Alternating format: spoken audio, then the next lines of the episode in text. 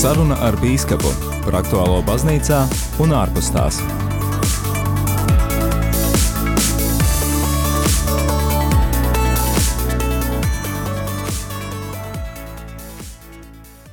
Dārgie radio Marija Latvijas klausītāji, ir mēneša pirmā otrdiena. Tas nozīmē, ka radio Marija studijā ir pienācis laiks tikties ar kādu no Latvijas bīskapiem, lai pārunātu to, kas baznīcā šobrīd ir aktuāls. Un šajā vakarā sveicinu studijā Jelgavas diecēzes bīskapu Edvardu Paulovski, slavēts Jēzus Kristus. Mūžīgi mūžos amen. Paldies, ekscelence, ka radāt iespēju būt šeit studijā un tikties ar mūsu klausītājiem. Paldies, ka uzlūdzāt, un paldies, ka dodat iespēju uzrunāt ne tikai savu draugu katedrāli, bet arī, arī visu Latviju. Šajā raidījumā mēs pārunāsim vairākas tēmas. Manuprāt, novembra sākums ir ļoti skaists laiks liturģiskajā gadā. Mēs svinam gan visu svēto dienu, gan arī visu ticīgo mirušo piemiņas dienu, par ko mēs parunāsim bet es vēlētos iesākt mūsu sarunu par kādu, manuprāt, ļoti skaistu jaunumu Jelgavas diecēzē, jo 16. oktobris šogad, manuprāt, bija svētki visai Latvijas baznīcai, jo šajā dienā tika iesvētīta baznīciņa Elejā. Arī radio Marija klausītājiem bija iespēja attālināti piedalīties šīs baznīciņas konsekrācijā, Kādas sajūtas ir, kad šis eh, projekts ir pabeigts un kad eh, baznīca jau ir kārtībā? Eh, skaidrs, ka priecīgas sajūtas un, un priecīgas domas par to, ka ir pabeigts projekts un pabeigušās it kā klapatas par, par to celtniecību un par visu pārējo mm, un, un arī par par tām dokumentu formēšanu un e, kārtošanu visu, un tagad e, var, kas kaut palielīties, ka viss ir kārtībā un, un tas īpašuma tiesības ir sakārtotas un zemes grāmata ir sakārtota, tā ka viss ir līdz galam. Un skaidrs otra lieta, tā lielākais prieks ir par to, ka vēl viena baznīca ir, ir uzcelta un kā cilvēkiem – konkrēti elejiešiem ir uz vietas, kur pulcēties tādā sakrālā telpā. Tur dievkalpojumi notika jau arī iepriekš, bet visi bija tādi iznomāti vai nu skolā, vai nu kultūras namā, bet, bet nu, tas kultūras nams vai, vai tāds tautas nams, kā viņu tur sauc, ir tomēr tāda no nu, citām vajadzībām celta un uzturēta šī telpa, un cilvēki tā nu, nejūtas kā baznīca. Viņiem ir tā grūti pirms dievkalpojuma sakopoties un, un pavadīt laiku lūkšanā, sagatavoties dievkalpojumam, bet baznīca jau ir tā citādi ar savu arhitektūru jau atgādina par to, ka tas ir dievanāms un skaidrs, ar konsekrāciju tā kļūst arī par tādu dievam veltītu celtni, un e, prieks par to, ka cilvēki var tur pulcēties un lūgties. Jūs minējāt, ka klapatas ir garām, vai tiešām bija kādas klapatas, vai arī salīdzinoši viegli viss notika?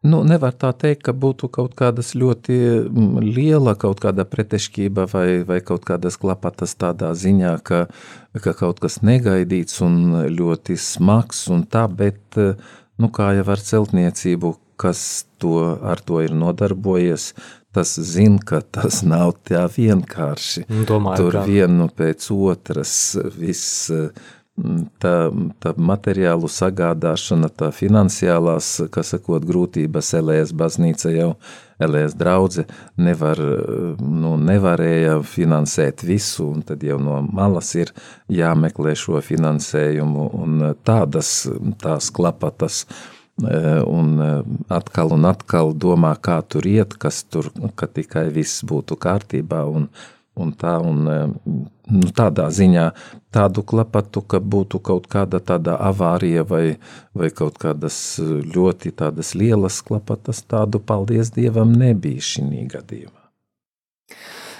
Cik es eh, saprotu, šī baznīciņa tapa ar Bonifāciju sverku atbalstu, vai ne? Jā, nu pamatā ar Bonifāciju sverku arī arī iepriekšējie tādi nu, tie mana priekšgājēja biskapa Antona Justa sava veida kaut kāds, nu, kaut kāds uzkrājumiņš, bet tas jau nu skaidrs ir tāds minimāls.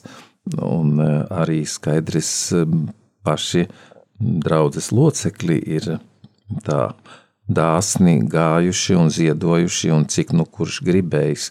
Un e, man tāds, tāds sarūktinājums taisni var būt, ja tā var noteikt, pateikt par, mm, par vienu gadījumu, ka viens e, tāds cilvēks jau gados ir tā priecājās un staigāja un, un tā staroja viņa, viņa seja taisni, kad, kad mēs tikāmies un uh, Un kad viņš e, bija arī pie baznīcas un skatījās, kā tur notiek darbi, e, jo nu, tā tīri fiziski jau grūti tagad e, pie celtniecības tā no malas kādiem iesaistīties, jo ir taču tie noteikumi, ka mm, tādā būvlaukumā nedrīkst neviens no malas, kas sakot, nepiederošs cilvēks atrasties bet eh, viņš arī ziedoja, tagad neatceros pat kādu summu, bet nu, es tā nobrīnījos, ka viņš laikam tur, tā sakot, arī zārka naudu atstāja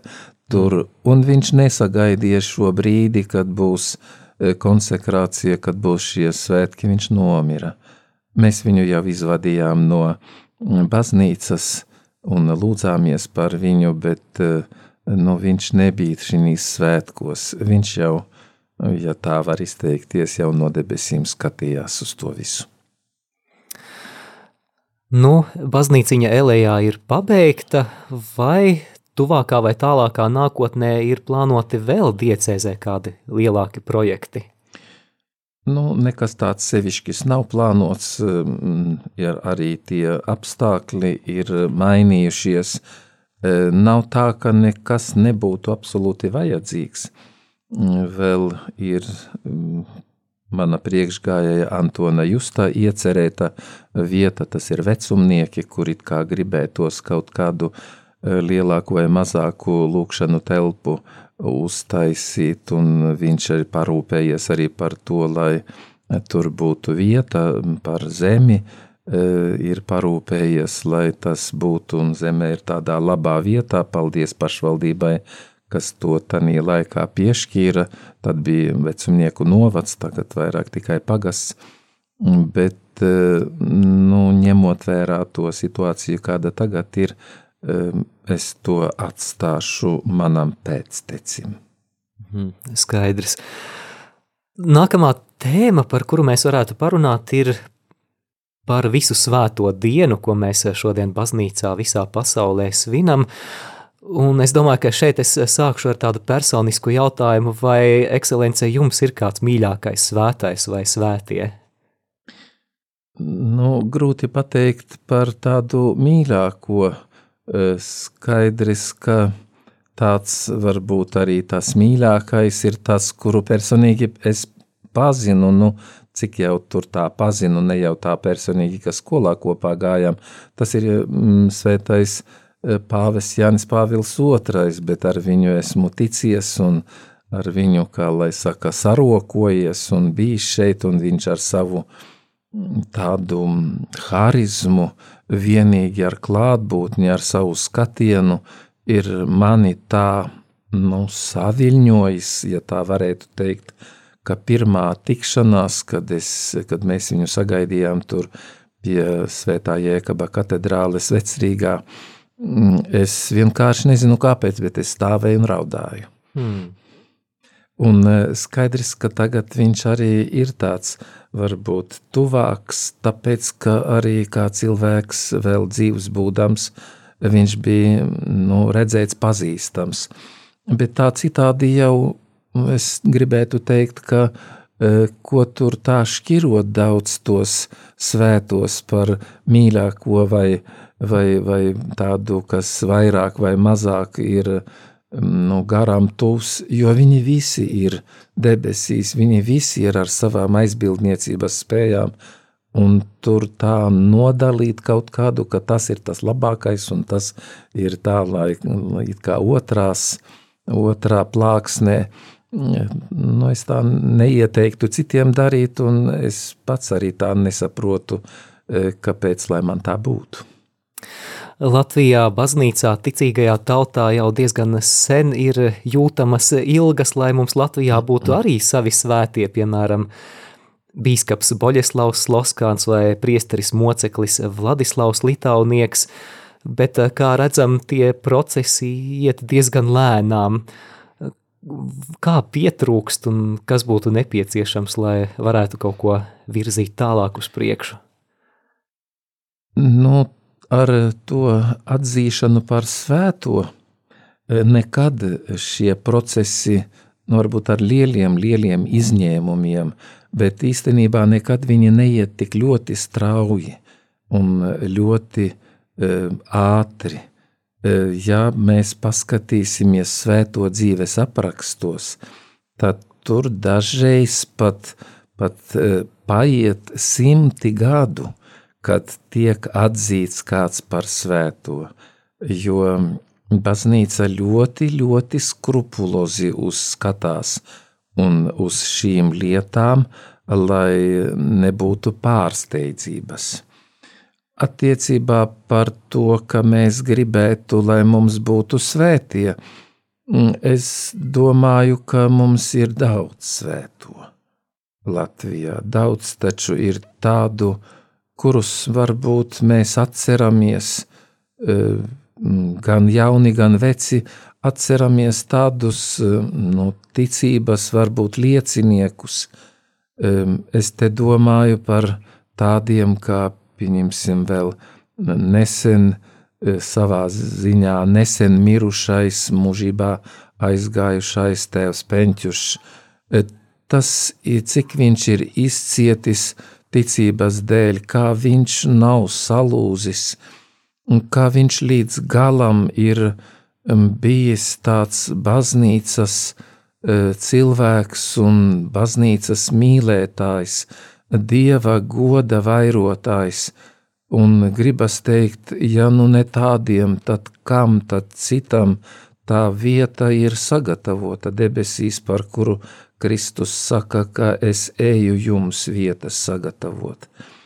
Un arī bez tā tos, kurus, kuri jau ir iepriekš aizgājuši mūžībā, gan priesteri, gan arī vienkārši ticīgā tauta, kuri tā centīgi ir um, gan lūgušies mājās, gan apmeklējuši dievkalpojumus, kur nebija tādas domas par to, ka kādreiz svētdienā varētu kāds nebūt uz svēto misi.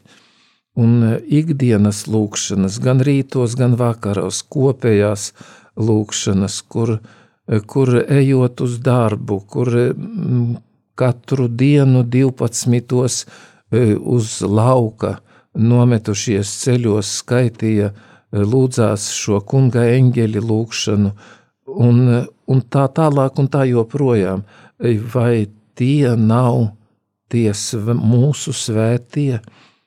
Bet attiecībā uz tādu baznīcas atzīšanu, e, tur ir ļoti garš tas process un ļoti skrupulos. Un e, arī attiecībā par Sloskānu, bīskapu Sloskānu, grūti pateikt tagad, kā tas cik tas tālu ir pavirzījies, bet eh, nu, mēs gaidām tādu brīnumu, kas apstiprinātu viņa svētumu. Viens brīnums it kā bija, bet ko pats šis brīnuma samņēmējs apliecināja, ka viņš ir izdziedināts caur bīskapa Sloskāna aizbildniecību bet Vatikāns to tomēr neapstiprināja, nepieņēma kā brīnumu.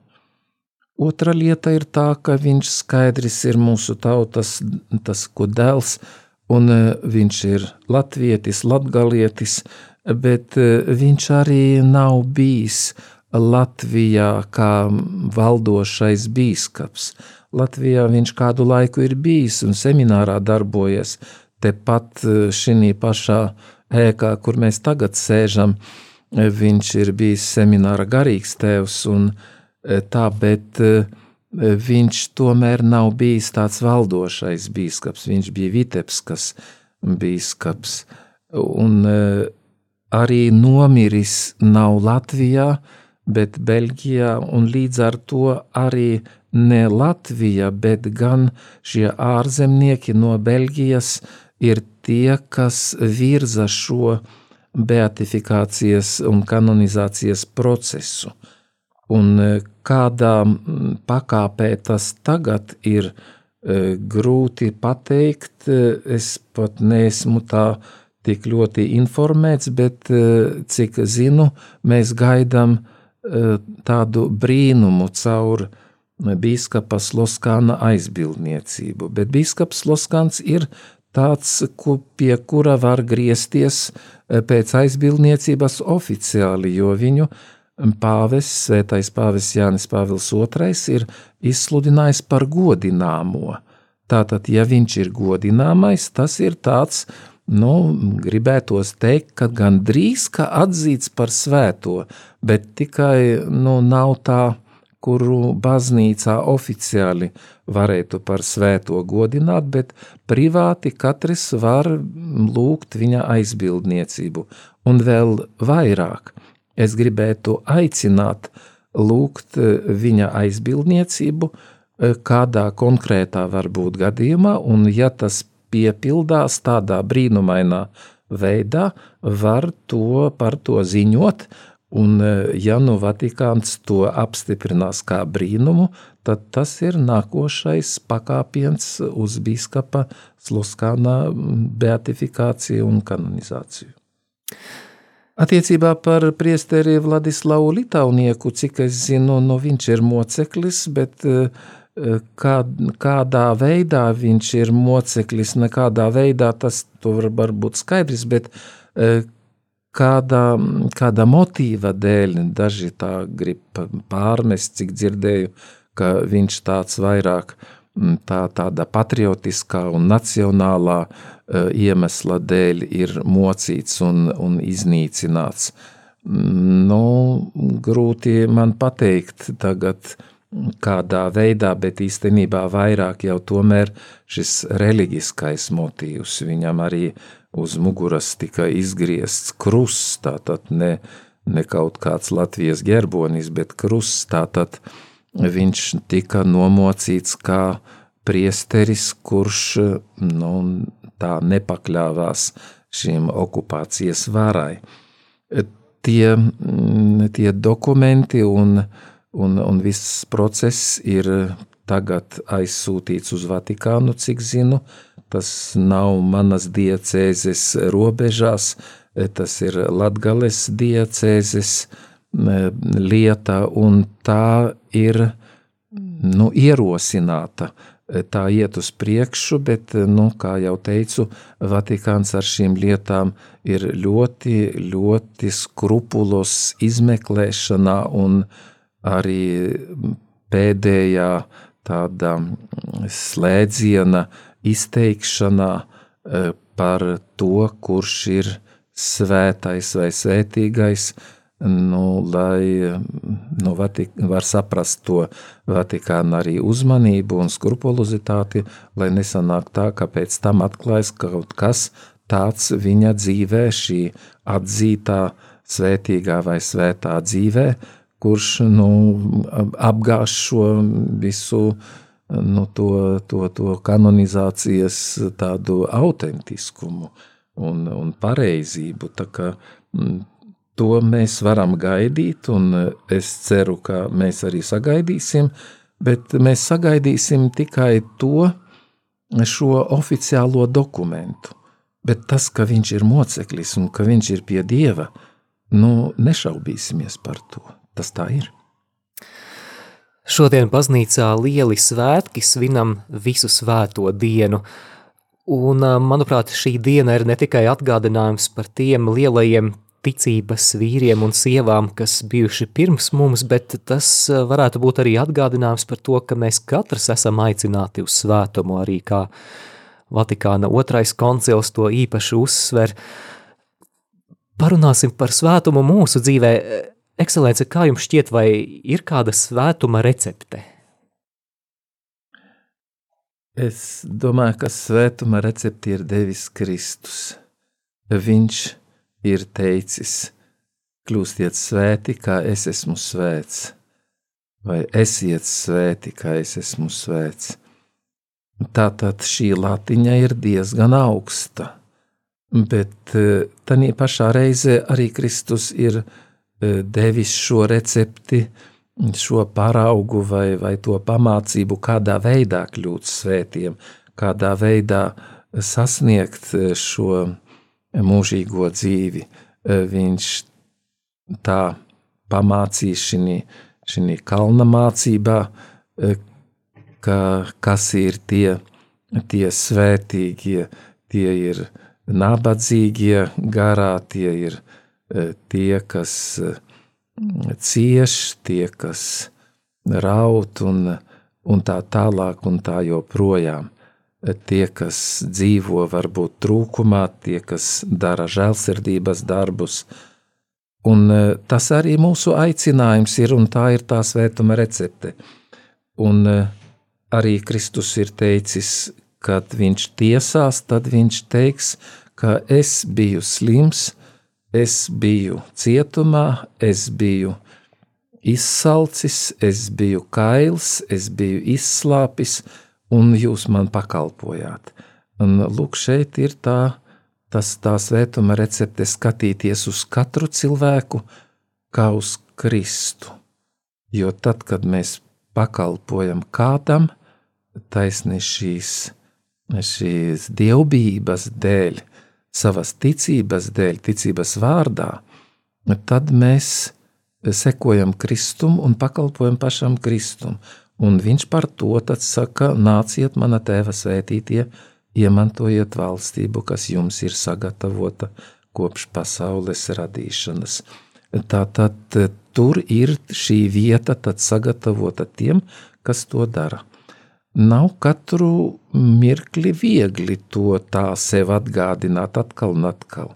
Un es te gribētu teikt un atgādināt sevišķi tiem, kas mm, apkop slimos, kas dara šo žēlsirdības darbus, lai viņi, e, tad, kad viņiem ir grūti, kad viņi tuvojas tam cilvēkam, kurš varbūt ne tikai ir tāds, kuram vajadzīgs pakalpojums, bet kurš ir arī savā, savā ciešanās, arī tāds nervos un untumains, kuram vēl ir grūti arī, arī tā tīri psiholoģiski pakalpot.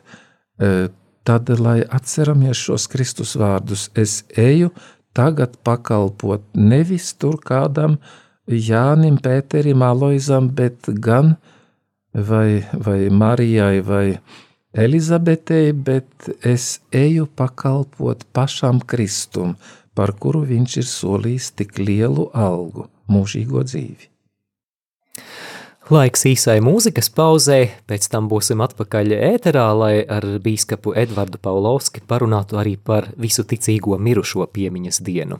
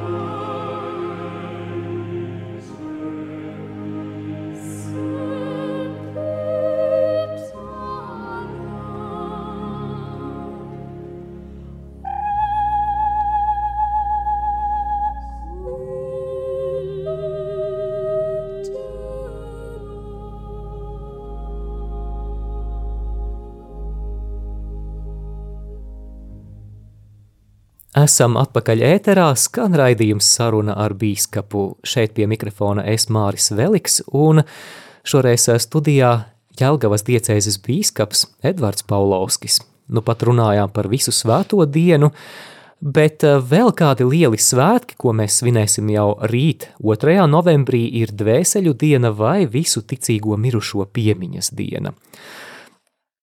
Eh, sākšu ar jautājumu, Kāpēc mēs eh, katoļi lūdzam par mirušajiem, piemēram, mūsu brāļi, māsas protestanti to nedara? Kāpēc mēs to darām? Eh, šeit ir tā teoloģiskā atšķirība starp protestantiem un katoļiem. Eh, protestanti, luterāņi un arī visi pārējie neatzīst šķīstītavas esamību. Viņu teoloģijā un viņu teoloģija saka tā, ka tie, kas ticībā ir miruši, visi ir debesīs. Tie, kas atteikušies no ticības, kas ir tātad līdz ar to arī atteikušies savā ziņā no, arī no Dieva, no Jēzus Kristus, no tātad atteikušies arī no pestīšanas, tie ir visi ellē.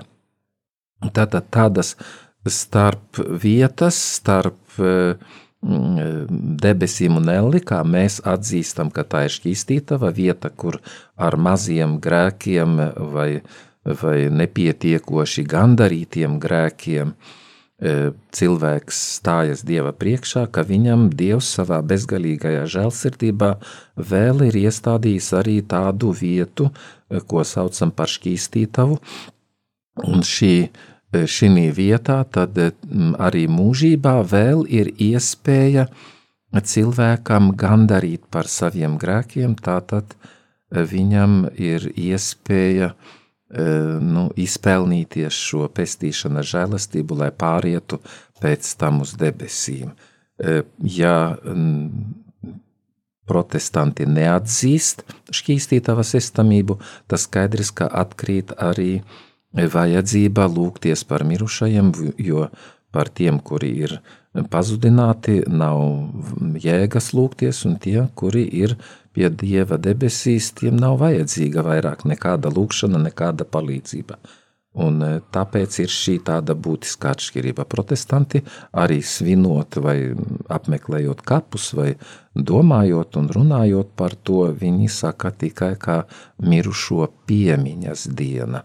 Tātad viņi tikai piemin šos mirušos, varbūt arī piemin tāpēc, lai viņu labo dzīvi, viņu arī ticības liecību e, ņemtu sev kā paraugu, e, un arī paši viņiem sekojot, skaidrs kristum sekojot, bet arī šie cilvēki, kuri pēc viņu domām ir bijuši labi un svēti nodzīvojuši, arī viņi, sekojot viņiem, varētu ieiet mūžīgajā dzīvē. 1. novembrī sākas arī lūkšanu oktāva par mirušajiem, kas turpināsies līdz 8. novembrim. Kāda ir šīs oktāvas nozīme, varbūt varat atgādināt klausītājiem? Šo oktāvu sākam ar 1. Mm, novembri, kas ir visu svēto diena, tā nav, nav tāda mirušo piemiņas diena, bet caur to šī dienā atzie, mm, nu, godinām vai, vai atceramies visus svētos un lūdzam viņu aizbildniecību. Bet no vakara, pēc vakara dievkalpojuma, mēs tradicionāli baznīcā jau sākam lūgties par eh, dvēselēm šķīstītavā, tātad par visiem tiem, kuri mums ir bijuši tuvi vai eh, kādi tuvinieki mūsu pašu uh, ģimenes locekļi, mūsu vecāki vai labdari, arī priesteri un arī visi mirušie, kuri ir aizgājuši mūžībā.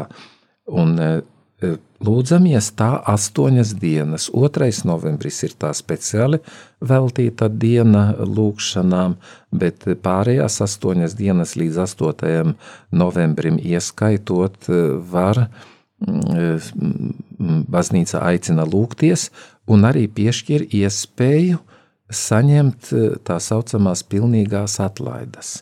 Tas nozīmē, ka var lūgties un eh, upure saņemt šīs atlaides, ko baznīca piešķir kā tādu privilēģiju, um, mirušajiem, un tādā veidā mēs varam lūdzoties un saņemot šīs atlaides, upurēt tos tās par mirušajiem.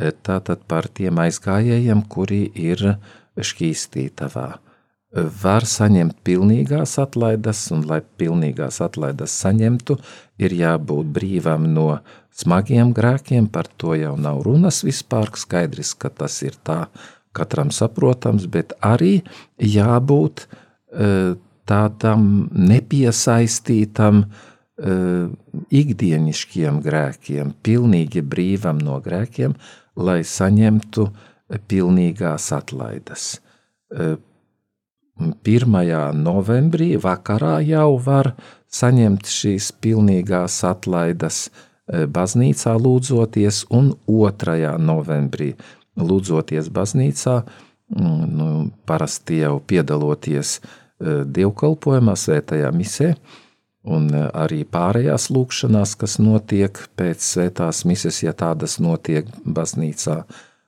un lūdzoties par mirušajiem. Šī lūkšana nedrīkst būt mazāka 2. novembrī, nedrīkst būt mazāka, īsāka par Tēvs mūsu un es ticu. Pārējās dienas, sāc, sākot no 3. novembra līdz 8. ieskaitot, var šīs pilnīgās atlaides saņemt apmeklējot kapsētu un tur lūdzoties par mirušajiem, vismaz savās domās, savā prātā.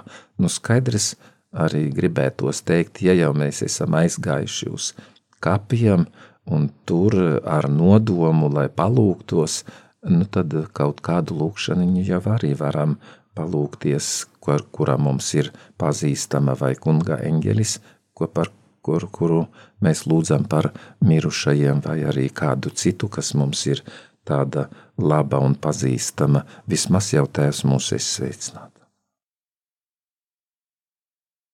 Ko darīt tiem klausītājiem, kuri vecuma vai slimības vai citu apstākļu dēļ laikā no 3. līdz 8. novembrim tomēr nevar klātienē būt kādā kapsētā? Baznīca tādu konkrētu jautājumu uh, it kā neizskata attiecībā par e, šo e, mirušo piemiņas vai lūkšanu dienām, šo lūkšanu dienas oktāvu par mirušajiem, ko viņiem darīt un kā viņi var saņemt atlaides.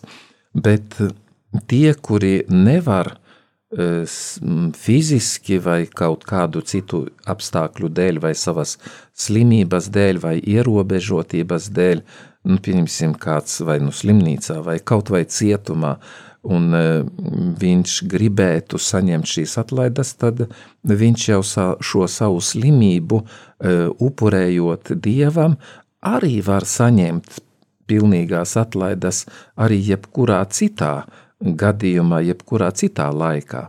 Un šī laikā viņš var to upurēt par eh, mirušajiem, un ar to eh, būs viss, eh, visa tā, tas jautājums atrisināts. Tā kā tie slimnieki, cietēji, viņi šī ziņā ir tie privileģētie, ja tā varēja izteikties, viņi ir pirmajā rindā šī lietā, ja viņi to tā pacietīgi uztver un e, ar pacietību arī pieņem šo, šo savu slimību. Ekscelence, es vēl gribēju mazliet precizēt, e, ko pilnīgās atlaides e, nozīmē mirušo dvēselē, vai tas nozīmē, ka ja kāds šīs pilnīgās atlaides veltī par dvēseli, tad tā tiek atbrīvota no šķīstītavas, vai, vai kā to saprast? Jā, ja konkrēti tā tas arī ir. Ja konkrēti par kādu cilvēku e, tas atlaidu ieguvējs upurē par viņu e, šīs atlaides, tad tas nozīmē, ka šī viena dvēsele, kas ir šķīstītavā, e, tiek nu, pāriet uz debesīm. Tikai jāpiebilst to vēlreiz, ka ir jāiegūst šīs tiešām pilnīgās atlaides. Tas nenozīmē tā, ka ja es nevaru vai, vai nu, man nesanāca šīs pilnīgās atlaides iegūst, iegūt, tad arī nu, vispār nekādas jēgas ir kā viss pa tukšo. Nē, ja nav pilnīgās atlaides iegūtas, tad vismaz daļējas atlaides var iegūt, un arī tās var upurēt par uh, mirušajiem. Bet tāda pilnīga atbrīvošanās vai pilnīga nu, tāda vēlme būt brīvam arī no visiem maziem, vismazākajiem grēkiem un mazākajām kļūdām, nu, cilvēkam tā nu, grūti dažreiz sanāk vai grūti ir izdarāma. Tāpēc arī tā nu, tāda privāta atklāsme bija par no svētā Franciska dzīves, ka tad, kad viņš dabūja no pāvesta šo privilēģiju porciunkulā, eh, tas, kas būs šī kaplīčiņā, šī svētā Franciska tanī daļā, ko, kas viņam tika uzdāvināta, ka viņi tur arī saņems pilnīgās atlaides, tad, tad tanī pirmajās, pirmajās dienās esot saņēmis tās pilnīgās atlaides pats svētais Francisks un vēl viens brālis. tā kā nu, tas tā nav tik, nu, nesanāk cilvēkam tik vienkārši. Tā arī ir tāda speciāla, varbūt jau dieva žēlastība, kas, um, nu, uz kuru mēs varam pretendēt, varam lūgties, un nav neiespējama, bet, uh, nu, nav arī tik tā viegla un vienkārša. Jā, tātad eh, pilnu atlaidu iegūšana nav neiespējama, bet eh, jūsos klausoties, es arī tā domāju, ka droši vien mēs šeit virs zemes arī līdz galam nekad nevaram tā pateikt un izmērīt, vai mums izdevās vai, vai ne, un, un līdz ar to tas droši vien nozīmē, ka ja mēs esam lūgušies, piemēram, pagājuši gadu par mūsu vecvecmāmiņu, tad tas nenozīmē, ka tagad man ir attaisnojums nelūgties par viņu. Nē, nu noteikti tā nevar teikt. Un arī, ja tiešām es pagājušā gadā lūdzos par savu mammu vai tēti vai, vai vectēvu vai vecmāti, un e, arī tiešām es esmu saņēmis šīs pilnīgās atlaides, kuras esmu upurējis par viņiem, un viņi tiešām ir no šķīstītavas pārgājuši uz debesīm, tad tas nenozīmē, ka nevar arī viņus pieminēt eh, arī šogad, un ja tiešām viņiem nav vajadzīgas šīs atlaides, tad tās būs eh, nu, tam, kam mm, skot, saņems šīs pilnīgās atlaides un saņems šo labumu tas, kuram ir ir tās vajadzīgas. Dievs jau zinās, vai es esmu saņēmis, un vai tiešām šī dvēsele manu lūgšanu un manas centības dēļ ir mm, sasniegusi pestīšanu. Nu, to mēs varbūt kādreiz mūžībā zināsim, bet šeit, nu, tā momentā Dievs mums to neatklāja. Ja kādam atklāja, nu, to jau neviens nevar aizliegt dievam. Tā pateikt, tu viņam tikai nesaki nekā, bet eh, nu, parasti tas tā nenotiek. Klausītājiem vēlos atgādināt, ka skan raidījums saruna ar bīskapu, un 1. novembrī sarunājamies ar Jelgavas diecēzes bīskapu Edvardu Paulovski. Tā kā šī diena priesteriem un bīskapiem ir ļoti aizņemta, tad uh, raidījums, ko jūs šobrīd klausāties, ir sagatavots ierakstā, tādēļ arī atvainojos, ka nevaram arī iesaistīt jūs klausītāji, tātad mēs nevaram, diemžēl, pieņemt jūsu īziņas vai telefona zvanus, bet ceram, ka jautājumi, kurus mēs pārunājam šo svētku kontekstā, ir aktuāli ikvienam no mums. Man šķiet, tēma, kas saistīta ar nāvi, tā ļoti noslēpumaina, bet tā, tā ir ļoti, ļoti saistīta vispār ar cilvēcisko eksistenci, nekur mēs no, no tā nevaram aizbēgt, bet ir arī tādi praktiskie jautājumi, kas, manuprāt, daudziem klausītājiem varētu būt aktuāli. Nu, piemēram, vai katoļu baznīca atbalsta mirušo kremēšanu? Par kremēšanu jāsaka tā, katoļu baznīca nereklamē un varētu pat teikt, ka neatbalsta uh, mirušo kremēšanu, bet katoļu baznīcā neaizliedz to darīt. Tas nozīmē, ka ja kāds grib kremēt, un tāda iespēja viņam ir, un arī tāda vēlme un tāds, nu, tādi apstākļi, ka tas atvieglina kaut kādu citu problēmu atrisināt līdz ar kremēšanu, tad katoļu baznīca neliec to kremēt. E, tāds Vatikāna dokuments ir par kremēšanu, tādas norādes priesteriem un biskupiem par tādā ziņā, ka e, ja kāds aizliegts kremēt vai aizliegts arī nu, tā baznīcai ieteikts atturēties no tādas, tādas nu, tās urnas apbēdīšanas, tad, ja kāds a, naida pēc pret baznīcu ir pateicis, ka mani sakramējiet, un lai tur nav nekādas augšām celšanās, un lai visi redz, ka tur nekas no mhm. manis nav palicis, un, un, un viss, un, un nekādas augšām celšanās nav. Tātad tādā uh, naida Mm, pēc pret baznīcas mācību par mirušo augšām celšanos. Nu, tad tā ir cita runa, tā ir tāda, mm, tāds eh, naids pret baznīcas eh, mācību, pret, pret eh, dieva atklāsmi, kura runā par mirušo augšām celšanos. Par to runā pats Kristus, par mm, augšām celšanos un par mūžīgo dzīvi. Bet, ja tas ir tīri citu praktisku apsvērumu dēļ, pieņemsim, lielās, lielās pilsētās, ir cilvēku daudz, un skaidrs arī mirušo daudz, un tad rodas problēmas ar kapsētām. Un tad tādas, tāda kremēšana ir tāds risinājums, ka nu, tās urniņas var savietot ļoti tā kompaktāk salīdzinot ar kapsētu un ar kapa kopiņām. Un e, to var darīt, un mēs arī darām.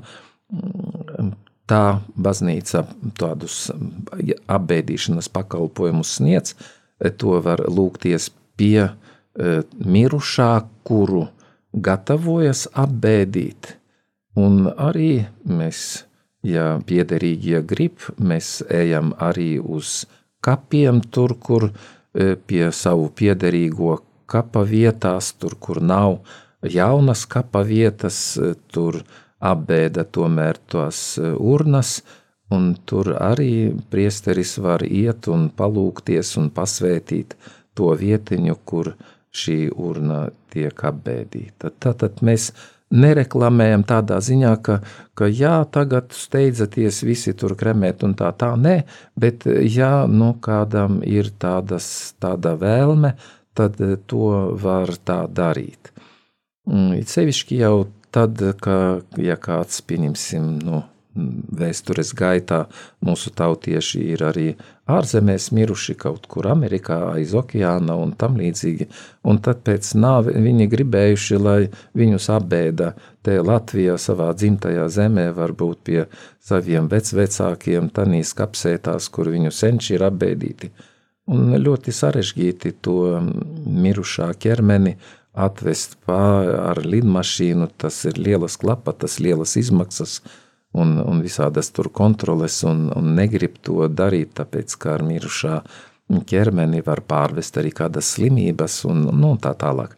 Bet eh, to kremēto urnu nav problēmas, to pat pa pastu var atsūtīt. Un līdz ar to šī caur kremēšanu šī problēma tiek ļoti viegli atrisināta. Bet eh, mirušā pelnus izkaisīt, piemēram, jūrā vai kaut kur no helikoptera, laikam nevajadzētu. Nu, tas tā varbūt eh, tīri mm, no estētiskā viedokļa, bet eh, ja jau tā kāds ir gribējis, ka viņa tur eh, tos pelnus izkaisītu kaut kur jūrmalā vai, vai pa jūras līci, mm, tas īstenībā neko nemaina. Dieva spēkā ir augšām celt šo mirušo viņa paša miesā, vienalga kādā veidā tas, tā miesa būtu e, mirusi un kur viņa būtu un tam līdzīgi. Bet nu, tāds, nu, varētu tā teikt un piekrist jums, ka, ka nevajadzētu. Nu, tā tāda mm, ārišķība, tāda, nu, nu, kaut kā tā var paraustīt plecus, bet ja jau kāds to tā grib, nu, tas neatiecas uz ticības patiesību par augšām celšanos. Jā. Parunāsim par labu sagatavošanos nāvei, par dvēseles sagatavošanu, un tāds praktiskais jautājums, kurš arī daudziem droši vien būtu aktuāls, ir, ko būtu svarīgi darīt tuviniekiem, ja viņu ticīgais piederīgais ir uz nāves gultas? Ko baznīca aicina darīt šajā gadījumā? Nu, mm, baznīca visu e, dzīvi, visu cilvēka dzīvi rūpēs par šo cilvēku, rūpēs tādā ziņā, ka rūpēs par viņa nemirstīgo dvēseli. Un tāpēc jau notiek dievkalpojumi, tāpēc cilvēki iet baznīcā un tāpēc pieņem svētos sakramentus, iet pie grēku sūdzes, Un, eh, nu, tāpēc visa garīgā dzīve ir, lai sagatavotos laimīgai nāvei, un lai šī, tā, ja tā varētu teikt, šis mūžības slieksnis būtu laimīgi pārkāpts un, un tā mierīgi un ar, ar cerību un ar prieku. Un eh, skaidrs arī šis pēdējais moments, kad uh, cilvēks pāriet šo, e, šo mūžības slieksni, ir svarīgs. Un baznīca šeit ir klāta ar saviem pakalpojumiem. Un priekš tā ir tā saucamais slimnieku sakraments, ja jau cilvēks ir tā, nu, tik jau nespēcīgs, ka viņam tā dzīvība te no nu teju izdzisīs, tad skaidrs, ka viņš pirmkārt var būt arī ar kaut ko slims, bet otrkārt, vienkārši, ja viņš pat varbūt ne, nav ne ar ko slims, vienkārši ir vecumā, iespaidā, varbūt to gadu nastas dēļ, šis organisms, viņa miesa ir tā nolietojusies, nu, ka vienkārši apstājas viss. It kā nekādas slimības nav, bet tas nenozīmē, ka viņš tad jau dzīvos mūžīgi, ka viņš eh, nesaslims ne ar ko. Un šeit baznīca ir klāta ar, ar šo slimnieku sakramentu, kas ir e, skaidrs tādai arī mūžīgai dzīvei, tātad atbrīvo cilvēku no grēku paliekām, tātad no tādām vainām, no tādiem grēkiem, kurus cilvēks nu, nav uzskatījis, ka tas ir viņa grēks. E, šeit ar šo sakramentu, ar tādu kopējo nožēlu, e, cilvēks tiek atbrīvots no, e, šī, no šīm vainām, no šīs atbildības par to grēku. Ir šis sakraments arī tāpēc, lai stiprinātu cilvēka miesu, jo tas ir tāds slimnieku sakraments, nevis mirēju sakraments. Tā to mēs nesaucam, tā tas nav. Un, ja slimnieks ir nu, saslimis, bet viņš nav tā uz nāves gultas, tad eh, tomēr arī var saņemt šo sakramentu. Skaidrs, tas um, arī nākošais sakraments, tā mēs saucam to par viātiku, tas nozīmē ceļamaize.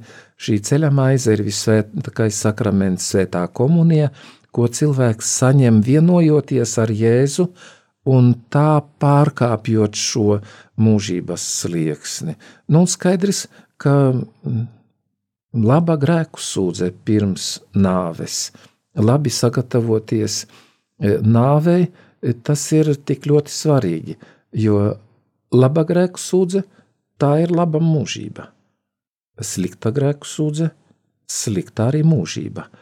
Ar to mums visiem ir jārēķinās.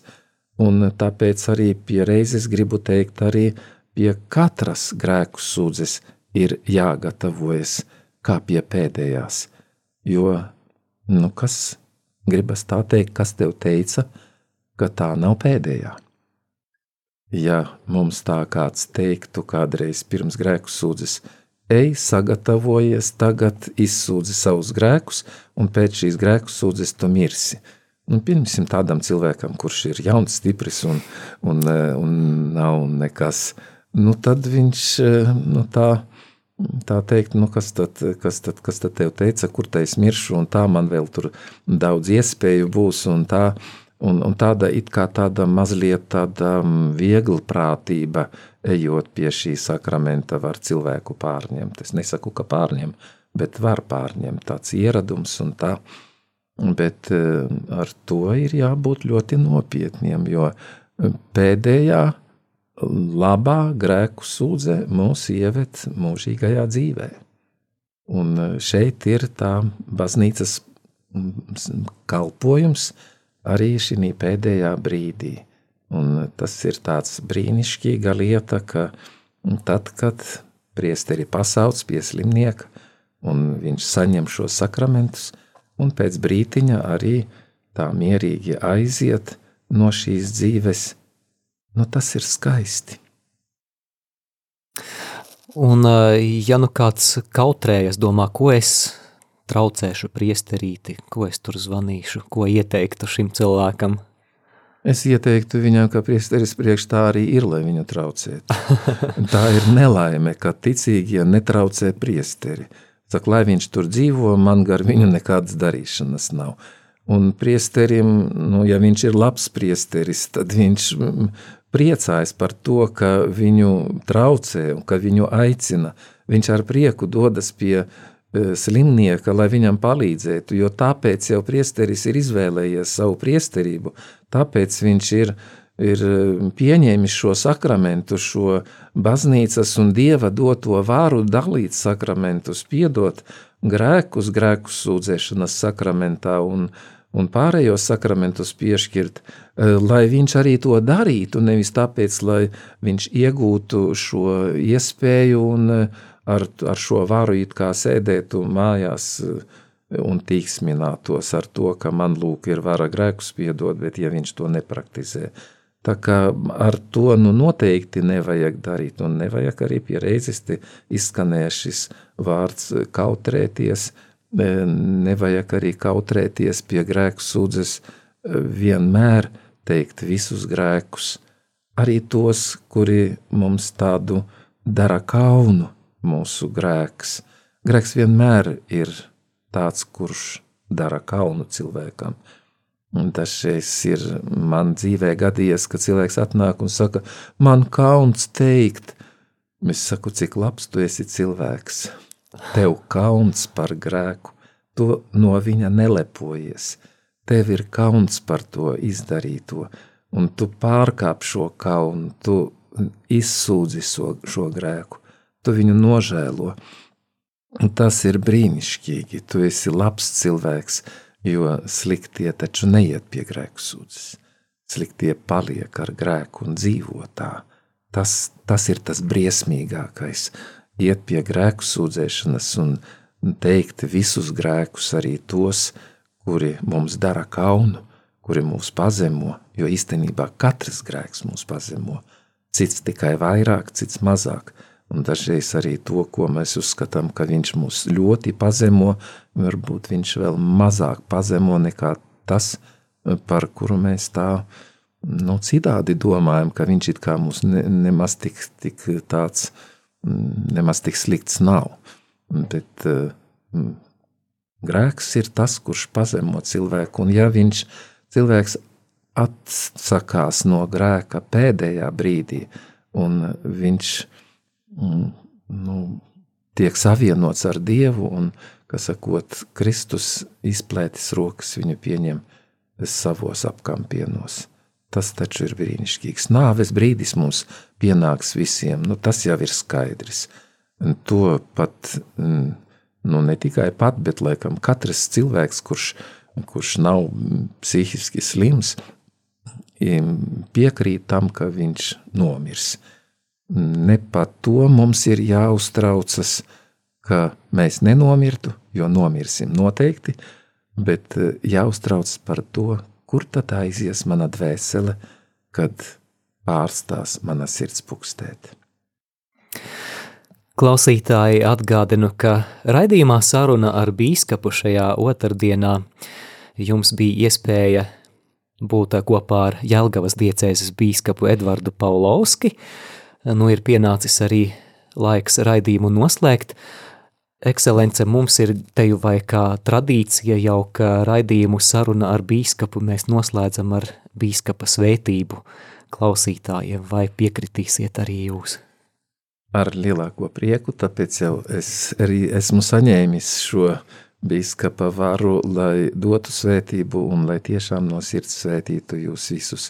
Dievs, kungs, lai ir ar jums. Kungs ir ar tevi. Lai kunga vārds ir slavēts. No šī laika un mūža. Mūsu palīdzība ir kunga vārdā. Kas ir radījis debesis un zemi. Lai svētī jūs visus visvarenais Dievs tēvs un dēls un svētais gars. Āmen. Dieva žēlastība, lai jūs pavada. Pateicība Dievam. Izskanēja raidījums Saruna ar Bīskapu par aktuālo baznīcā un ārpus tās.